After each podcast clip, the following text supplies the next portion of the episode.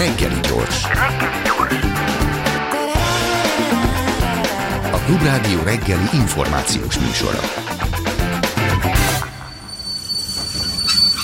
Reggeli személy. Balázs Péter volt uniós biztos, korábbi külügyminiszter a vendégünk, a CEU emeritusa, professzor emeritusa. Jó reggelt kívánok! Jó reggelt kívánok! Nagy diplomáciai nap a mai ugye a francia elnök Macron Moszkvában tárgyal, Scholz kancellár első útja kancellárként gondolom legalábbis az Egyesült Államokban Bidennel találkozik, de hát azt hiszem, hogy a világ figyelme mégis arra irányul, hogy mi lesz az orosz-ukrán konfliktussal. Ugye egyrészt vannak rossz hírek, hogy tovább nőnek a csapatok az orosz oldalon, és állítólag Belarusban is komoly orosz, és még majdnem azt mondtam, hogy szovjet csapat összevonások folynak. Másrészt meg, mint hogyha talán Putyin elnök a diplomácia diplomáciában egy kicsit, kicsit óvatosabb hangot ütne meg, nem? Mint hogyha inkább beszélne arról, hogy hát talán elkerülhető ez a, ez a fegyveres konfliktus, vagy én csak szeretném kihallani abból, amit mond.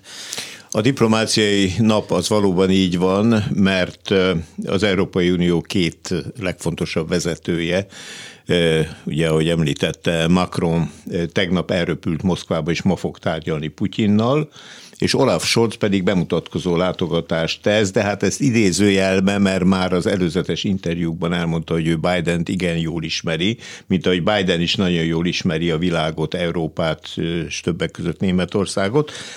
Fontos tárgyalások következnek, és ami, ami közben történik, az két párhuzamos folyamat, az egyik hogy amerikai szatellit felvételek azt mutatták, hogy tovább nő az orosz katonai jelenlét Ukrajna határai mentén, mégpedig két oldalról, ugye az egyik a hagyományos kelet-ukrajna, ez a Donetsk, Luhansk ö, megyék határán, az orosz oldalon, a másik pedig, hogy épp most terveznek, készítenek elő egy nagyon nagyszabású hadgyakorlatot Belarusban, és ott is növekszik az orosz jelenlét. A ukrán keleti határnál százezerre becsülik a jelenlévő orosz katonák számát, Belarusba 30 ezer, és az tovább nő. Hadifelszerelés, tankok, most már nehéz bombázók is gyakorlatoznak, tehát mintegy bekerítették Ukrajnát, és ugye katonák arra is rá mutatnak, hogy a Belarus azért kell, mert onnan sokkal közelebb van Kiev. Pár, nincs 100 kilométer. Nincs 100 kilométer, kb. 75 kilométer a határtól. Tehát eh, ez nagyon erős katonai fenyegetés. A német külügyminiszter Annalena Baerbock mondta Moszkvában, hogy hát akárhogy magyarázzák, százezer katonát nem lehet nem fenyegetésnek tekinteni, felfegyverzett katonát. Na most ez az egyik folyamat, tehát ez a katonai eszkaláció, és van egy másik folyamat, ami tulajdonképpen a pozitív oldala, hogy ugyanakkor tárgyalnak.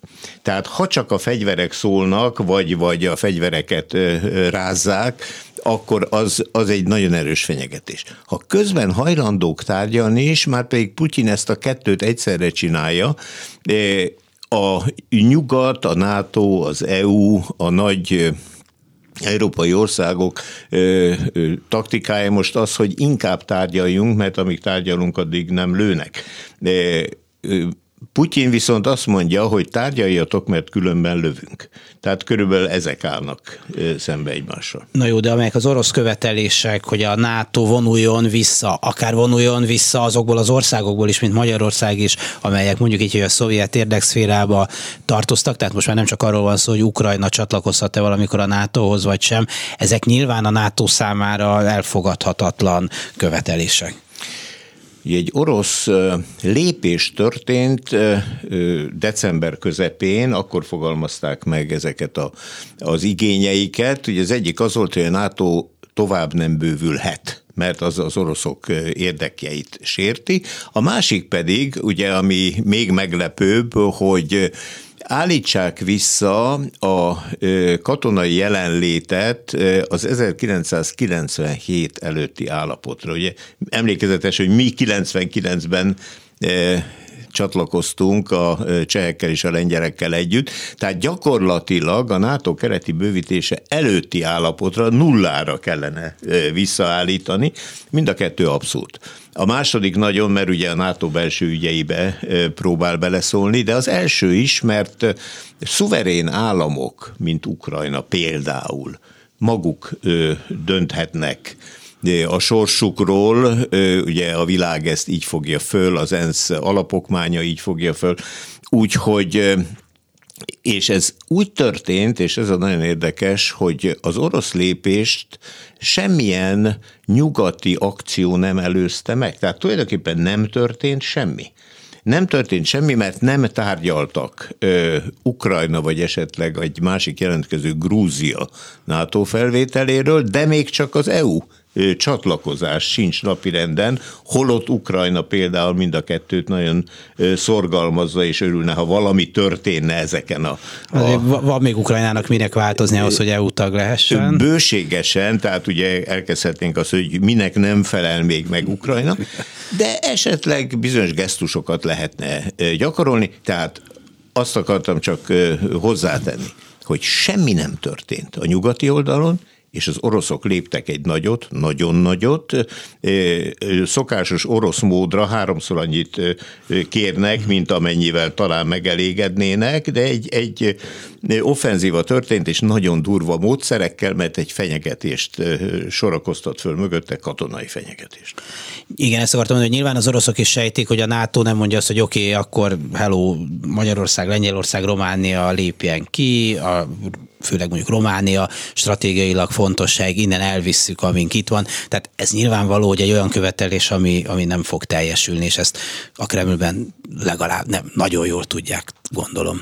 No, ugye ez az orosz diplomácia elég durva módszerekkel szokott dolgozni, és ugye most is ez történik, hogy hogy odaviszi a katonákat, és utána egy erősen túlzó kívánságot ad elő, Holott, ha tárgyalási alapot akarna teremteni, akkor mondhatna olyat, hogy hát egyezünk meg Ukrajna státuszáról, és esetleg bizalmas diplomáciával elérné azt, hogy egyelőre Ukrajna felvétele nincs napirenden, de ehhez neki valamit kellene kínálnia. Tehát nem csak fenyegetés létezik a diplomácia eszköztárában, hanem jutalom is, pozitív ígéret. Tehát mondhatná azt, hogy békén hagyjuk Kelet-Ukrajnát, Donetsk és Luhansk megyéket, és akkor visszatérnének a Minszki megállapodás egyes pontjaihoz, amit ugye négy ország gondoz, pillanatnyilag a két érintett, Oroszország és Ukrajna, és Németország és Franciaország, ez az úgynevezett normandiai négyes. Így van, amely most valószínűleg ismét működésbe fog lépni, viszont hát valamilyen pozitív lépés kellene az oroszok részéről. Miközben érthető, hogy az orosz álláspont onnan indul, hogy a Krim már a miénk, és szeretnénk még további lépéseket is tenni, például Kelet-Ukrajnát elcsatolni, ahogy azt annak idején Grúzia két területével, Abháziával és Dél-Oszétiával is megtették. Igen, és hát a Krímnek sem volt olyan, mert a Krím elfoglalásának sem volt olyan nagy ára. Szankciók voltak, nyilván okozott gazdasági veszteséget Oroszországnak, de nem olyan rettentő nagyot, főleg, hogyha a Kremlből nézi valaki. Hát, hát ugye Putyin diplomáciája ravasz és ügyes, és a Krim esetében is kihasználta 2014-ben azt a lélektani pillanatot, amikor tudta, hogy katonát ezért a nyugat nem fog áldozni, hiszen olyan területről van szó, amelyek nem rendelkeznek a NATO biztonsági garanciájával. Nem NATO tagok. Ha NATO tag lenne, akkor belépne ugye a Washingtoni szerződés 5. cikke, és a NATO az agressziót közösen megtorolná és elhárítaná. Nem NATO tag, tehát ott garázdálkodhat, és, és a karcsörtetés folytatódik, mert ugye nemrég volt Kazaksztánban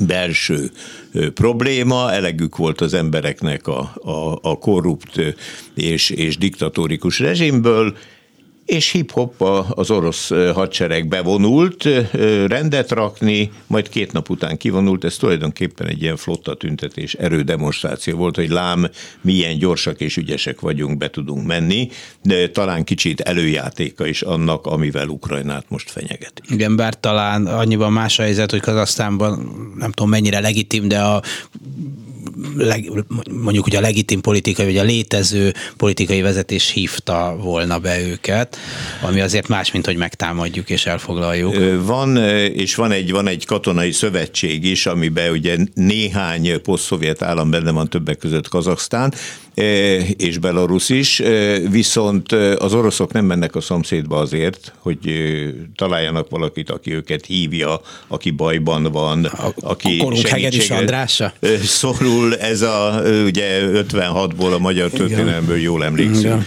Rá, hogy, hogy itt is megtalálták azokat, akik kérték és hívták őket. Igen, Kádár János szólnoki beszéde. A magyar politika, vagy az Orbáni politika, inkább úgy kell mondani, ez meglehetősen orosz barát ebben a vitában is, nem tudom persze, hogy ez mennyit számít, éppen az előbb olvastam, hogy Magyarország megvétózott, mint NATO tag egy olyan megállapodást, hogy Ukrajna részt vehet a NATO kibervédelmi programjába. Valószínűleg nem ez a legfontos, lehet, hogy ez egy nagyon fontos hadszintér, nem ez a legfontosabb része talán a dolognak, de hogy talán az egyetlen NATO tagállam volt, miközben csak egyhangulag lehet ebben a kérdésben dönteni és nyilván beszélünk még a miniszterelnök múlt heti moszkvai tárgyalásáról is, tehát Magyarország, mint NATO tag, mint Európai Uniós tagállam, mint Ukrajnával határos ország, mint egy olyan ország, amelynek kisebbsége él Ukrajnában, elég határozottan Oroszország mellett teszi le a voksát. Most ez nem újdonság. Ugye ezt láthatjuk nem csak amióta Orbán kormány van ismét, tehát 2010 óta, hanem 2009-ben történt egy olyan fordulat a, a Fidesz politikai orientációjában, amikor Orbán Viktor egy Szentpétervári konferencia alkalmával Putyinnal találkozott, hogy attól kezdve teljesen átfordította a vitorlát, és, és nagyon erősen orosz párti lett. És minden lehető alkalommal ö, Oroszország ö, oldalán ö, próbál állásfoglalni, anélkül persze, hogy nagyon szembe kerülne az EU-s partnerekkel, tehát számomra ez kicsit olyan, hogy ül a kerítésen, befelé is tekintget, de kifelé is tekintget, és Ukrajnát eszközként használja, benne sajnos a kárpátaljai magyar kisebbséget is, mert fenyeget, és azt mondja, és itt az eszköz az, hogy a, ha a magyar kisebbség például nem tanulhat anyanyelven, akkor ő majd útját állja Ukrajna NATO-hoz való közeledéséhez. Na most ez egyrészt nagyon durva, diplomáciai eszköz, ez a fenyegetés, megteheti persze, vétózhat, mint ahogy most is vétózhat. Másrészt egyértelműen orosz érdeket szolgál, hogy mit lehetne helyette csinálni, ugye az, hogy nem akadályozná mondjuk Ukrajna közeledését a nyugathoz, hanem valami jutalmat ígérne, és azt mondaná, hogy ha a magyar kisebbséggel egy fokkal jobban bánnak, és például a felső tagozatban tovább lehet tanulni anyanyelven bizonyos tárgyakat, akkor egyengetjük az útját mondjuk az EU-val, és, és kiterjesztjük, mondok egy példát, az EU közlekedési hálózatát ukrajnai határon túlra, uniós pénzeket segítünk oda csatornázni, épül majd autópálya. Mennyit építhetne Mészáros Lőrinc autópályát? Igen, uh, Munkács, Beregszáz és Nagyszőlős rá, irányába, és tovább, és így tovább. Tehát egészen más húrokat is lehet pengetni. Itt valóban egy olyan külpolitikai orientációról van szó, amely ugye a Fideszre most már nagyon jellemző, hogy a saját szövetségesei az ellenfelek, és a, a gyanús külső partnerek a barátok.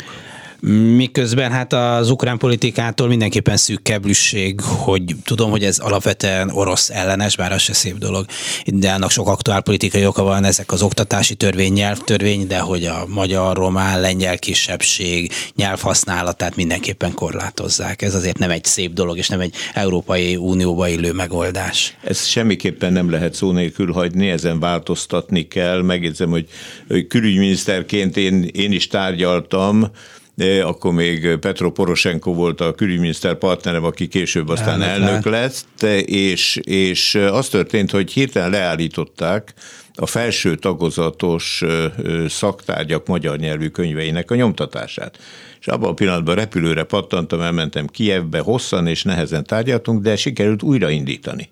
És tovább folytatták a magyar nyelvű tankönyvek kiadását, de ehhez az kellett, hogy nagyon egyértelműen válasszuk le a magyar problémát az orosz nyelv és az orosz kisebbség problémájáról, mert nekik az volt a gondjuk, hogy elég sokan ugye orosz anyanyelvűek, és hát próbálják az államnyelvet erőltetni, ami nem könnyű, mert, mert a lakosság egy része úgy... Orosz nyelvű. Orosz nyelvű, attól még jó ukrán állampolgár. Hát maga az elnök is, Zelenszky is orosz anyanyelvű. Igen. Beszélünk, hogy aki nagyon jól tud oroszul, azt mondja, hogy vagy ukránul hallatszik is az akcentusán, bár az orosz és az ukrán nagyon közel áll egymáshoz, de gyárítok hallik rajta, hogy ő nem orosz, nem ukrán anyanyelvű. Igen, ezt mondják, és, és nem mindenki beszélt jól ukránul, aki ottan politikai Igen. szerepeket vállalt, de azzal, azzal tudtunk érvelni, hogy lássák be, hogy a magyar, hogy magyar nyelv, és ebben a románokkal rokonak az érdekeink,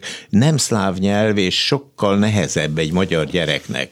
Ugye egy magyar gyerek számára mondjuk nagyszőlősön az ukrán az egy idegen nyelv. Még egy lengyelnek már, lengyelnek már csak egy ugrás. Nyelv. Hát ahogy a, a, a szlovákok is értik az ukránt. A lengyelek is értik. Hú, mennek is oda vendégmunkásnak nagyon sokan. De Lengyelországban, Csországban mert nem nagyon van nyelvi probléma. Én akkoriban, ugye amikor ezzel a problémával foglalkoztam, például megkérdeztem a lengyeleket, ők, ők papokat küldtek Ukrajnába, mert ott erőszakosan térítettek át korábban katolikus lakosokat, Pravoszláv. vagy görög katolikus, pravoszláva, igen, görög és akkor a lengyelek próbálták így, és kérdeztem, hogy, hogy milyen nyelvű papokat küldtök. És azt mondja, hogy nem mindegy. Lengyelül prédikál, úgy is értik, ugye az úr szava minden nyelven e, megszólal, és nekik ez nem okozott problémát. Na most mi érvelhetünk azzal, hogy egy magyar gyereknek sokkal nehezebb, adjanak több időt, e, lassabban vezessék be, és találjunk átmeneti megoldásokat, és engedjék, hogy Magyarország is segítsen ott a pedagógus képzésben és az oktatásban is. De nem de, akarok de, de erre elmenni. Ez, de miniszter úr, ez annyiban fontos, amit mond, hogy ha jól értem, akkor az derül ki, hogy a tárgyalással több eredményt lehetett elérni, mint az izmozással most. Mert Magyarország most erősködik, izmozik, és semmi kedvezményt nem ért el a magyar nyelvhasználat ügyében. Ő meg azt mondja, hogy oda ment, tárgyalt, egyezkedett velük, és elérte azt, hogy akkor továbbra is nyomtatják a tankönyveket. Tehát, hogyha a magyar kisebbség szempontjából nézzük, akkor ez egy, az egy eredményesebb politika volt, mint a mostani erősködés, ami tudom persze, hogy Kárpátalján is sok magyarnak rokon szenves. Ez így van, hogy kérdés, hogy a megoldásról Igen. tárgyalunk le, azon törjük el a fejünket, vagy pedig e, e, milyen erőpolitikával próbálunk látszat dicsőséget szerezni, ami aztán hosszabb távon semmit nem ér. Hát igen. Tárgyalt már olyan nagy asztal mellett, mint Orbán Viktor a minap Putyinnal? Hát nem vagyok én olyan nagy ember, hogy ilyen hosszú asztalhoz ültessenek. De ez érdekes, hogy szemet szúrt, nekem is természetesen szemet szúrt, eléggé szokatlan, és itt aztán megindult az új kremlinológia, hogy mi lehet az üzenete a hosszú asztalnak. Az öngyakorlata szerint kell ebben üzenetet keresni, vagy éppen csak ez az asztal volt tiszta? Nem tudom, itt, itt értek rá. Oka biztosan volt. Na most kérdés, hogy politikai oka volt, vagy egyéb oka volt.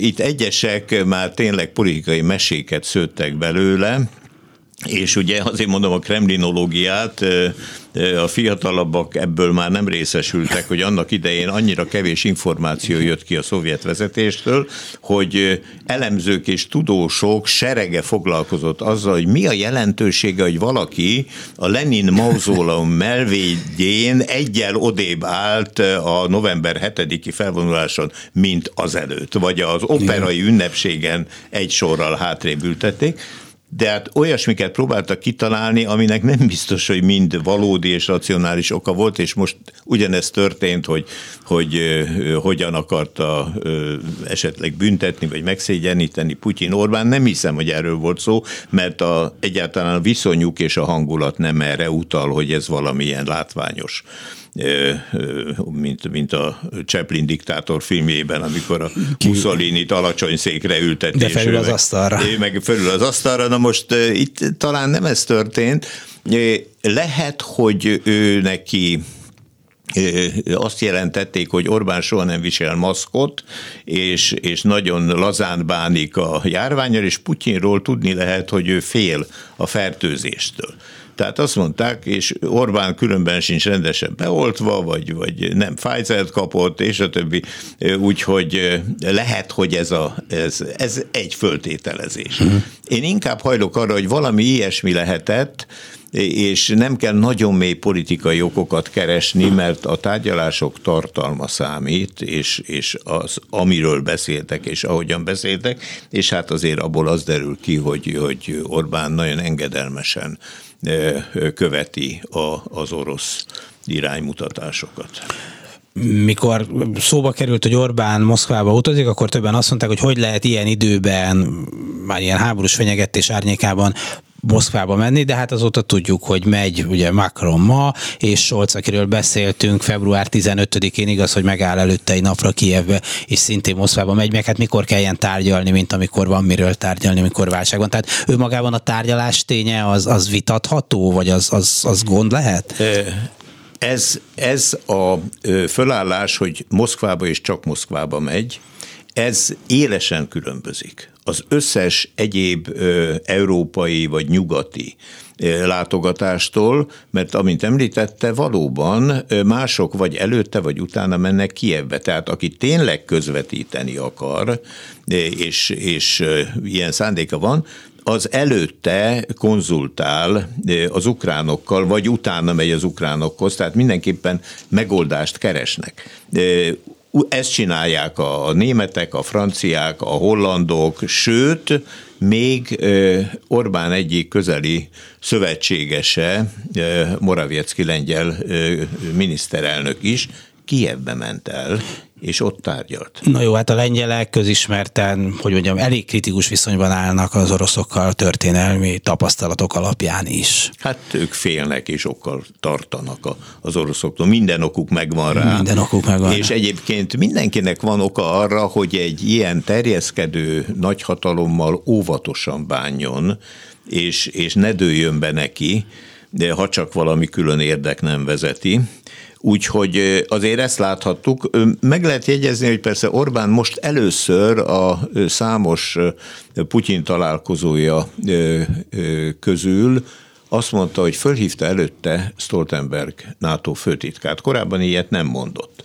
Sőt, ezzel hozta kapcsolatba azt, hogy Macronnal is tárgyalt. Most Macronnal nem biztos, hogy pont ezért tárgyalt, hanem azért, mert Franciaország az EU elnök. soros elnöke, és ilyenkor az illető kormányfő mindenkivel konzultál az unión belül. De utalt valamit a szövetségen belüli konzultációra, de azt is hozzá kell tenni, hogy egy, senki nem kérte őt ő, valamiféle békegalom szerepre, hogy most ő közvetítsen, és nem is volt ilyen mandátuma. Kettő, nincs iránta bizalom. Hát ezt a bizalmat réges-rég eljátszotta. Gyanús a, a szövetségesek számára, hogy kivel és kikkel szűri össze a levet. Ugye itt Oroszország áll az első helyen, de aztán még hosszú a névsor, Erdoántól Bolsonaro. Szerbia. Így van, Dodik, Vucic Igen, és, és a többi. Egész tehát, balkáni bakavarás. Kikkel barátkozik és miről trafikálnak. Ugye azt, amit a közleményben meg a sajtótájékoztatón elhangzott, hogy miről beszéltek, azt tudjuk, hát azok egyik se olyan nagyon meglepő dolog, a gázvásárlástól kezdve, hogy a vasút építése való beszállásig, szóval ezek nem tudnak olyan, olyan falrengető dolgoknak, amelyek ott elhangzottak. Hát ugye erről, erről a sajtó bőségesen megírta, hogy egyrészt ezekhez nem kell feltétlenül ö, csúcsszintű ö, találkozó. Tehát ezek olyan dolgok, amit miniszterek könnyedén el tudnak tudnak intézni, de utána nyilvánosságra került egy olyan lista, hogy melyik téma mikor volt már e, e, a tárgyalóasztalon, és akkor itt kiderül, hogy, hogy például a, a gázról már tárgyaltak korábban. A Paksnál ugye csúszik, lehet, hogy ottan vannak megoldandó problémák, de ott még nincsenek meg az engedélyek. A légi kapcsolat sűrítéséről augusztus óta hallunk. Hát meg azt se tényleg, miért kell az Oroszország elnökének arról tárgyalni, hogy Magyarországra, Jekaterinburgból egy héten egy gép jön, vagy kettő. Vagy szóval kettő, és hogy a vízer hova fog repülni. Ez, ez valóban nem tűnik annyira a kardinális kérdésnek Oroszország szempontjából. És akkor itt van ez a vasúti áruszállítási megállapodás, ugye, ami a Kína felől érkező vasutat vinné tovább, Erről is már decemberben hallottunk, és egy szándék levél is, is készült, vagy, vagy a, a Sputnik vakcina magyarországi gyártásáról Szijjártó Péter már tavaly októberben nyilatkozott, beszélt. Úgyhogy ezek kicsit ilyen hajuknál fogva ide rángatott témák, hogy valami menüt adjanak, de Mindez együtt sem magyarázza azt, a, hogy állítólag öt órán keresztül tárgyaltak, ami eh, még az asztalnál is hosszabb, eh, mert eh, öt órát nem szokott két ilyen vezető tárgyalni. Ugye manapság ezek a csúcsszintű találkozók olyan általában egy órára kontemplálják, mert minden elő van készítve, és szinte csak a címeket ismétlik el, és, és egy-két problémát oldanak meg, de ha mondjuk két órát tartanak, mert nagyon meghitt a beszélgetés, vagy elmerülnek egy témában, de az már bőven elég. Öt órát nem szoktak tárgyalni, maximum szakértői szinten rágnak ilyen témákat sokáig, amit nem tudnak megoldani. Tehát én nem tudom elképzelni, hogy mik lehettek azok a kérdések, amikről öt óra hosszat Putyin és Orbán beszélgetett. Mind a kettőnek vannak persze gondjai. Lehet, hogy Orbán kifaggatta Putyint, hogy hogy mik a szándékai, meg hogy hogy tudna neki segíteni, hogy a választásokat ismét megnyerje. És Putyin bizonyára érdeklik benfentes információk arról, hogy a NATO-ban vagy az EU-ban mikről tárgyalnak, de ezt ezer egyéb forrásból is meg tudja szerezni, hát ő KGB tiszt volt, úgyhogy nem a tájékozódás nem az, az igen, igen, otthon van ebben. Úgyhogy tehát azt akarom csak mondani, hogy igaz, hogy szép ez a menü, amit tárgyaltak, de semmiképpen nem magyaráz egy ilyen hosszú, bizalmas együttlétet. De akkor mi lehet ennek a magyarázata? Említette, hogy lehet, hogy a választásokkal kapcsolatban beszéltek, vagy, vagy miről? Vagy... Hát csak találgatni lehet. Találgatni, ugye, az, de az nyilván jó. mindenki arról akar beszélni, ami számára akkor éppen a legfontosabb. Putyin számára most a legfontosabb, hogy elindított egy akciót, hogy megállítsa a nyugat terjeszkedését Ukrajnánál, és próbálja valahogy tisztázni, ugye ez az utolsó lépés azóta, hogy a német egyesítéssel megkezdődött a nyugat terjeszkedése, ugye visszamegyünk 30 évet, összeomlik a Szovjetunió, és a nyugat azonnal egyetlen nap alatt elfoglalja volt NDK-t, magához csatolja. Ugye ott történt, hogy, hogy egyetlen nap alatt bevezették az eurót, és csatolták a, a szövetségi köztársasághoz. És akkor utána következünk mi, ugye előbb egy gyors NATO felvétel, a magyar cselengyel hármas, és utána egy nagy EU bővítés, amiben szintén benne vagyunk, és eléri a nyugat a volt szovjet határt. És ebben már benne van három posztszovjet állam és a három balti ország. Mm.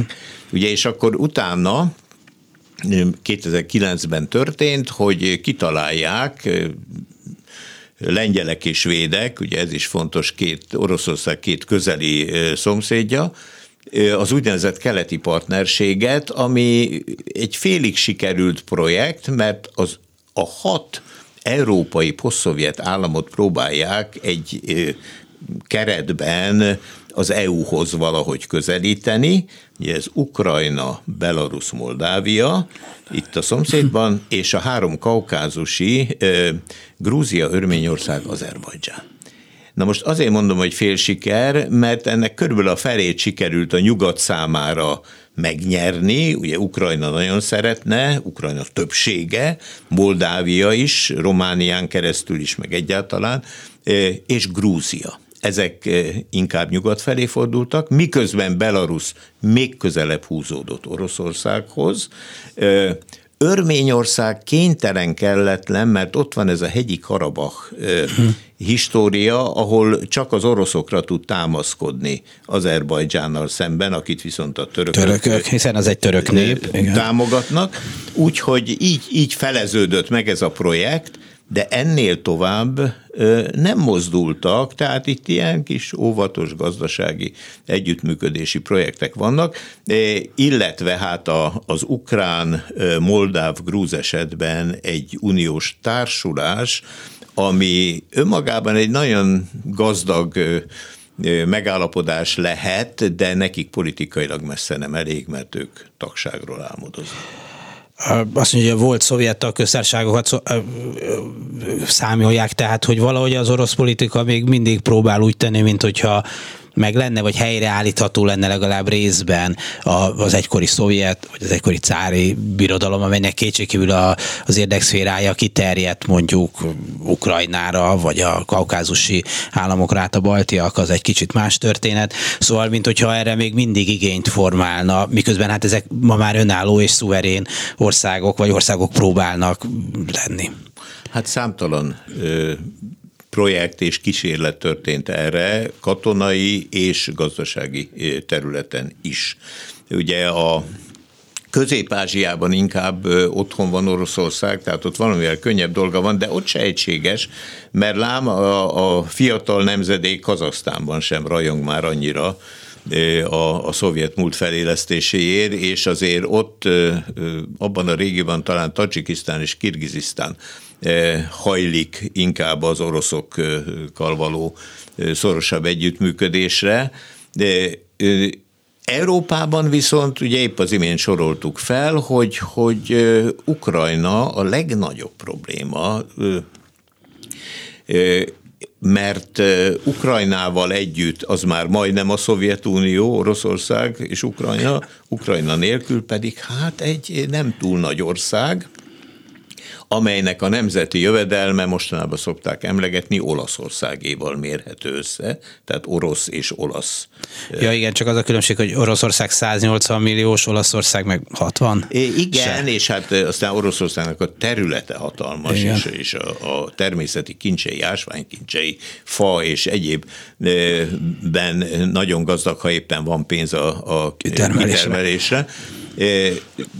Viszont Ugye Oroszország a határán van annak, hogy, hogy tényleg beleszóljon a világ dolgaiba, mert megörökölte a Szovjetunió székeit mindenféle nemzetközi szervezetben, legelső sorban is az ENSZ biztonsági tanács állandó tagjaként. Tehát Na de ben... saját jogon, ha mondjuk nem lett volna a Szovjetunió, a második világháború, ami ugye után létrehozták a, a, az ENSZ-t, akkor is mérete miatt tagja lehetne a biztonsági tanácsnak talán, hát, nem? Nem biztos. Nem biztos? Nem biztos, mondjuk nukleáris hatalom, az tény, de azért az a biztonsági tanács az egy a második világháború végének elsárgult fényképe, ahogy a győztesek, hát a győztesek, igen. győztesek odaültek, és akik nem voltak győztesek, azokat nem vették be. Ugye ennek két fő hát, kárvallottja volt annak idején, a két vesztes, Németország és Japán, két fő, és Olaszország is igen. tulajdonképpen. Igen, de Franciaország bekerült talán így.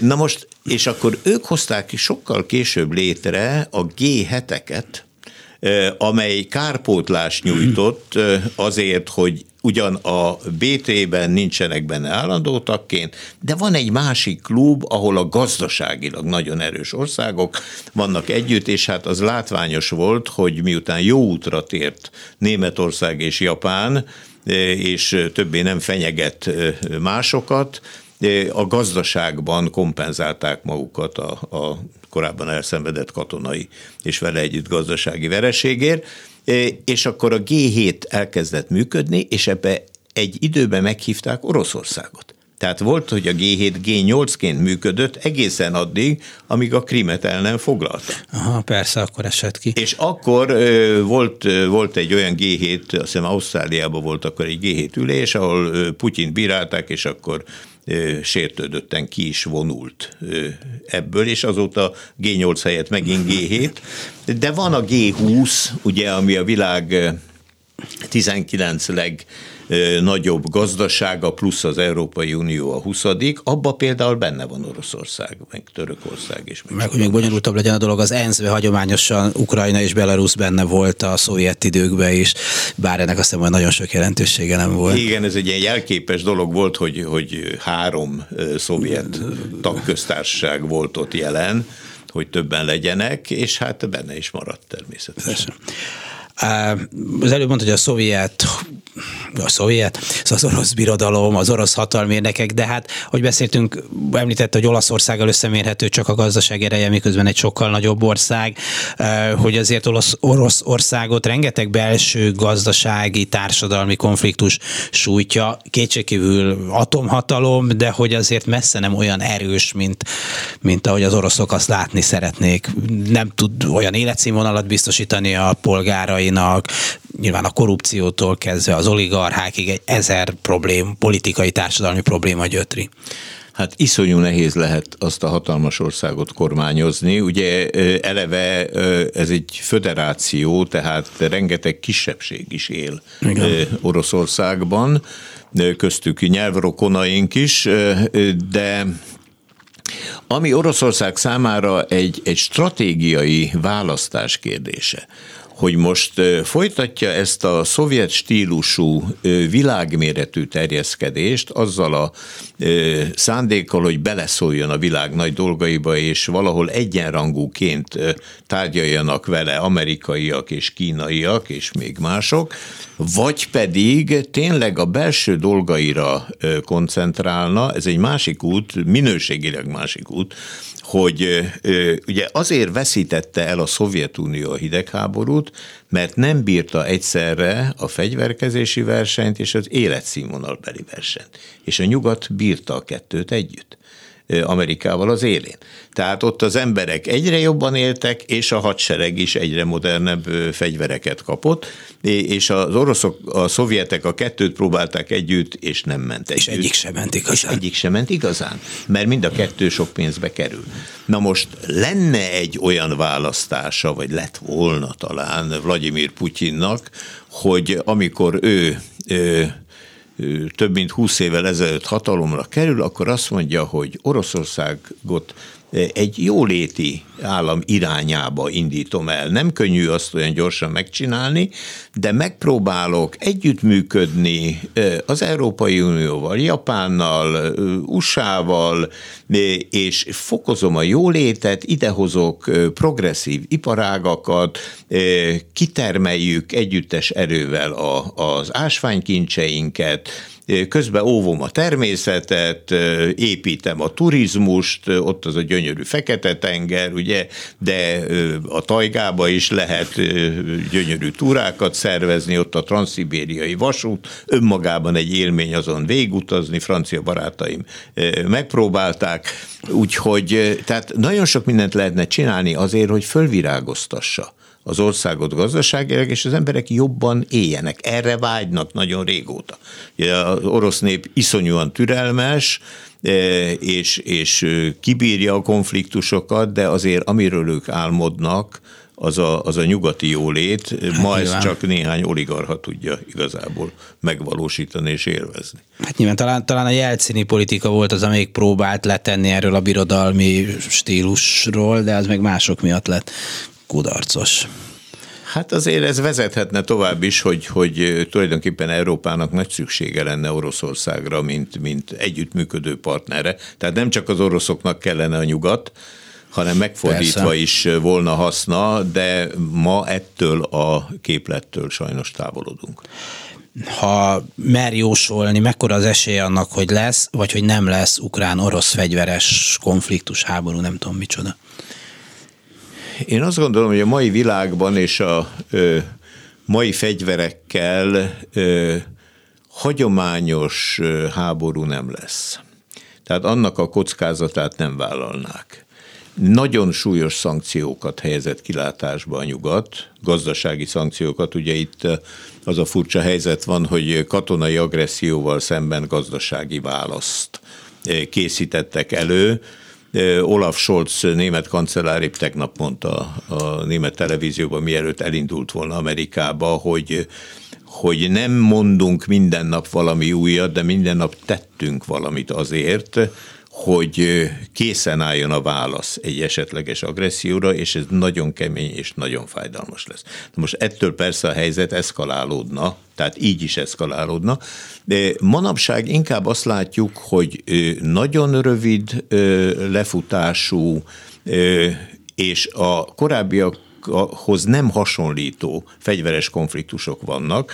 Ugye ennek azért néhány mintáját éppen az oroszok ismertették meg velünk, hogy a Krímbe bevonultak, de ahogy Kelet-Ukrajnát kezdték elfoglalni lépésenként, ott jelentek meg a felségjelzés nélküli fegyveresek. Tehát úgy néz ki, mint egy katona, ezeket mondták, hogy kis zöld emberkék, mint a Marsról jöttek volna, de nincs rajta semmilyen felségjelzés csak ilyen katonához hasonlító egyenruha, kitűnő felszerelés, vadonat új fegyverek, és, és akkor ott nyomulnak. Nem lehet azt mondani, hogy ez egy hagyományos háború, tehát nem illenek rá a különféle nemzetközi egyezmények, nem lehet katonai agressziónak, mert azt mondja a az orosz fél, hogy hát ezek, ezek önkéntesek, ezek mentek ott segíteni.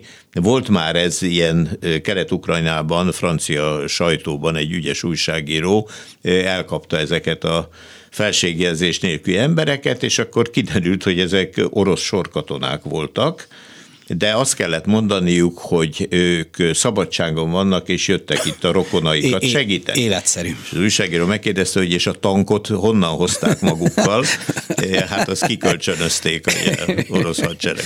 Jó, szóval azért ugye a világszem előtt persze lehet ilyeneket játszani, hogy ezek nem is, nem is orosz katonák, de hát ezt senki nem gondolta, hogy ne nagyon erős orosz támogatással lenne ez a Luhanszki és kelet, hogy is kelet-ukrajnai háború tehát ezt, ezt senki nem hitt el, még azok, akik mondták, azok se hitték el. Ez ugye Oroszország hibrid eszközökkel operál, hamis hírekkel, hangulatkeltéssel, és azt tudni lehet, hogy Kelet-Ukrajnában például nagyon nagy számban osztottak ki orosz útleveleket és ezek orosz állampolgárnak is minősülnek, holott Ukrajnában élnek, s ugye kettős állampolgárok. Na most, ha ilyen állampolgárokat valamilyen sérelem ér, akkor persze fordulnak Oroszországhoz, amely siet majd, hogy segítsen nekik. Tehát az oroszok fantáziájába sok minden belefér, hogy hogyan teremtenek egy olyan szituációt, amelyben ők jótékonyan segítséget nyújtanak. Oroszország terjeszkedik. Ugye ezt látni kell nem csak a, a Krím és az említett kelet-ukrán területek, én jártam nem túl régen Moldáviának a, a transznisztriai részén. Ez egy elég vitatott dolog, hogy most ez kié, mié. Hogy kié, ugye a világ ezt úgy tekinti, hogy a, a Szovjetunió a tagköztársaságaira bomlott, és azt ismerjük el, ami tagköztárság volt korábban. Na most sorra harabdált ki darabokat Oroszország egy sor volt tagköztárságból, például Moldáviából Transnistriát, ez egy sáv ott, ahol a, az orosz hadsereg állomásozik, és hát olyan volt, mintha sok évtizedet fiatalodtam volna, mert megint a Szovjetunióban jártam. Ja. Tehát Transnistria olyan, amilyen a Szovjetunió volt annak idején, de még saját pénze is van, transznisztriai rubel, e, és a, a, az egyenruhák, a föliratok, e, a papírboltban a Stalin képek. Ne, Stalin kép is van. Bőven lehet venni Stalin képet, minden sarkon Lenin szobor, úgyhogy e, mondom, egy ilyen kis Szovjetunió, és hasonlóképpen ragadták magukhoz, hát önként kérték persze a csatlakozást, Abházia és Délosszétia ugye, és, és még lehet folytatni a sort, fenntartják a hegyi Karabach ugye örmény azeri vitatott státuszát, mert azzal is ott lehet kontrollálni a területet. Tehát nagyon nehéz lenne úgy tárgyalóasztalhoz ülnünk, nyugatnak és, és Oroszországnak, hogy most akkor csináljunk mondjuk egy új Helsinki megállapodást, mert ahhoz el kell ismerni a meglévő határokat, ugye Helsinki is ezt pecsételte meg annak idején, de itt egy sor kérdést kellene tisztába tenni és eldönteni, és a Krim is megakad a torkunkon, mert azt elfogadni nem lehet, tehát valamilyen nagyon nagy rendezés keretében lehetne csak azt az orosz kívánságot valóra váltani, hogy legyen egy európai biztonsági architektúra, ami tisztázza a, a befolyási övezeteket, határokat és egyebeket. Ha már említette a, a határokat, hogy van egy olyan elképzelés, hogy ha Ukrajna területi egysége megbomlik kelet felé, akkor ez nyugaton miért ne történhetne meg? Tehát, hogy a magyar politika hosszabb távon arra játszana, hogy esetleg Kárpátalját, a Beregszászi járása, nem tudom én mit, ezt csak nagyon óvatosan mondom, mert hát a hivatalos vagy a nem hivatalos politikában is ez, ez azért így nem kerül soha elő, de, de meg lehetne bontani Ukrajna. Ha egy helyen meg lehetett bontani Ukrajna területi egységét, akkor máshol is meg lehetne bontani bontani. Én azt hiszem, hogy ez egy, ez egy súlyos illúzió. Tudnélik, ha egy helyen megbomlik a status quo, akkor dominó hatások indulhatnak el. Koszovó ki nyilvánította nagy amerikai bátorításra a saját függetlenségét. Clintonnak szobra van Pristinában. Így van. Na most mi történik utána? Egy, a világ országainak egy része elismeri, más része nem ismeri el.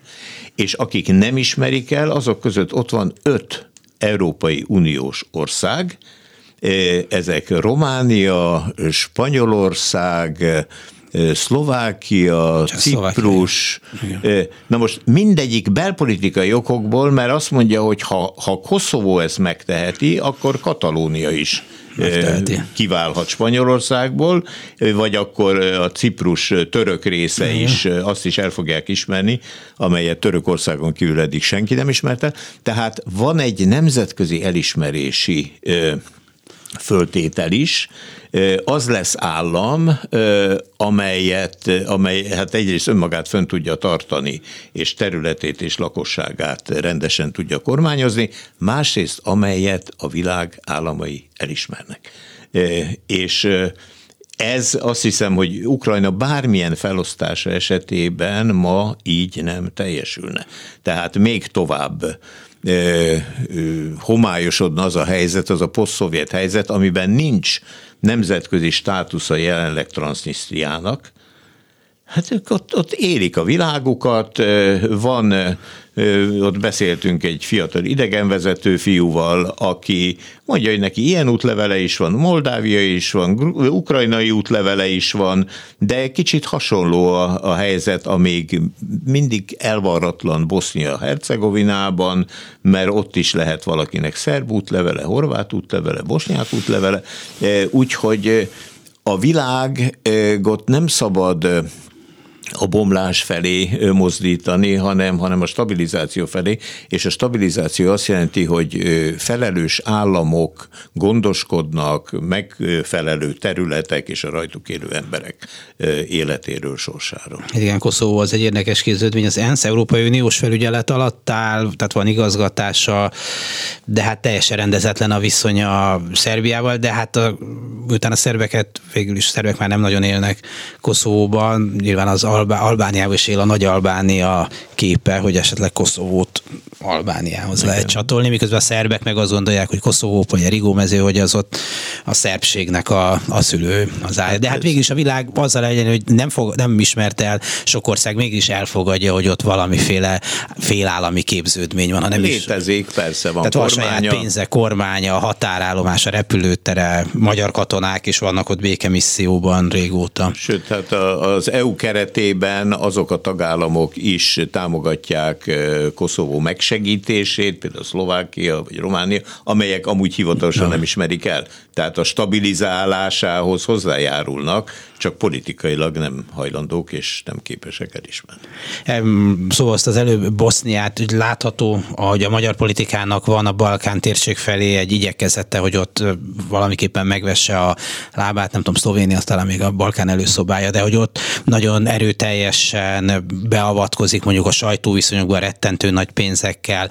Innen Budapestről nehéz átlátni, hogy a boszniai egységet, tehát bosznia-hercegovinai egység megbontásával próbálkozó politikusok mellé próbál állni a magyar politika, hogy ennek mi az értelme, de hát egy ilyen, ilyen bajkeverés a magyar politika részéről folyik a, a Balkánon is.